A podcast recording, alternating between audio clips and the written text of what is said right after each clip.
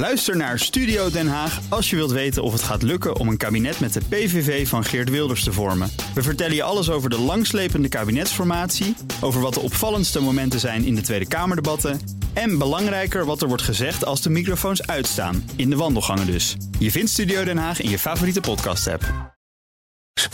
De column van Bernard Hammelburg. Zodra er nieuws is over olie, zoals nu in Saoedi-Arabië, lijkt het wel alsof de fabeltjeskrant de belangrijkste bron van informatie wordt.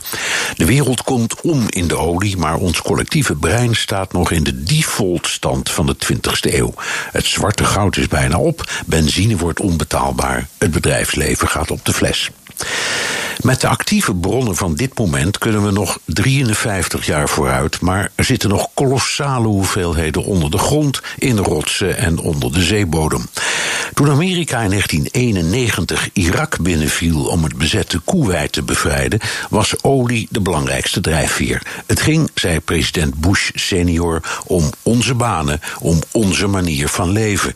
Inmiddels is Amerika vrijwel energie onafhankelijk en importeert nog nauwelijks olie uit het Midden-Oosten. Vandaar dat Donald Trump de aanslag een Saoedisch probleem noemt en zijn adviseurs erop wijzen dat er geen defensieverdrag is en dus geen plicht om de Saoedi's te hulp te komen.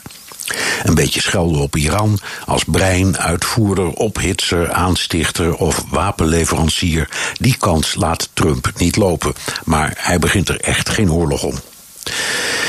omdat de wereld omkomt in het zwarte goud, is de schaarste en dus de prijs niet het verschil tussen vraag en aanbod, maar een truc.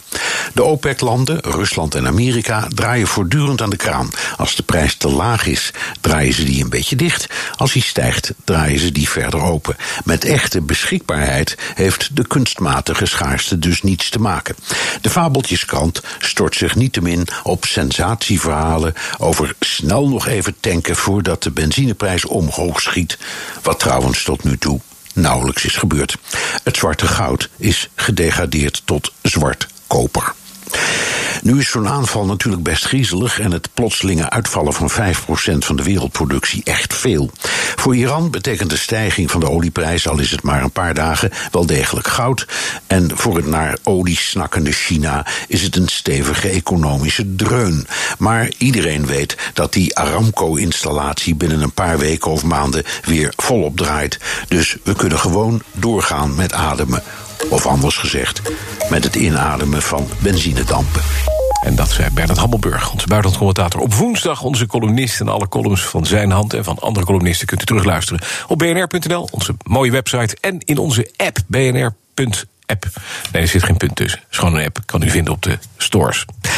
Vergeet niet ook de podcast. En vanmiddag de nieuwe Petrolheads. Bij BNR ben je altijd als eerste op de hoogte van het laatste nieuws. Luister dagelijks live via internet. Bas van Werven. En heel langzaam komt de zon op rond dit tijdstip. Je krijgt inzicht in de dag die komt op BNR, het Binnenhof in Nederland en de rest van de wereld. De Ochtendspits. Voor de beste start van je werkdag. Blijf scherp en mis niets.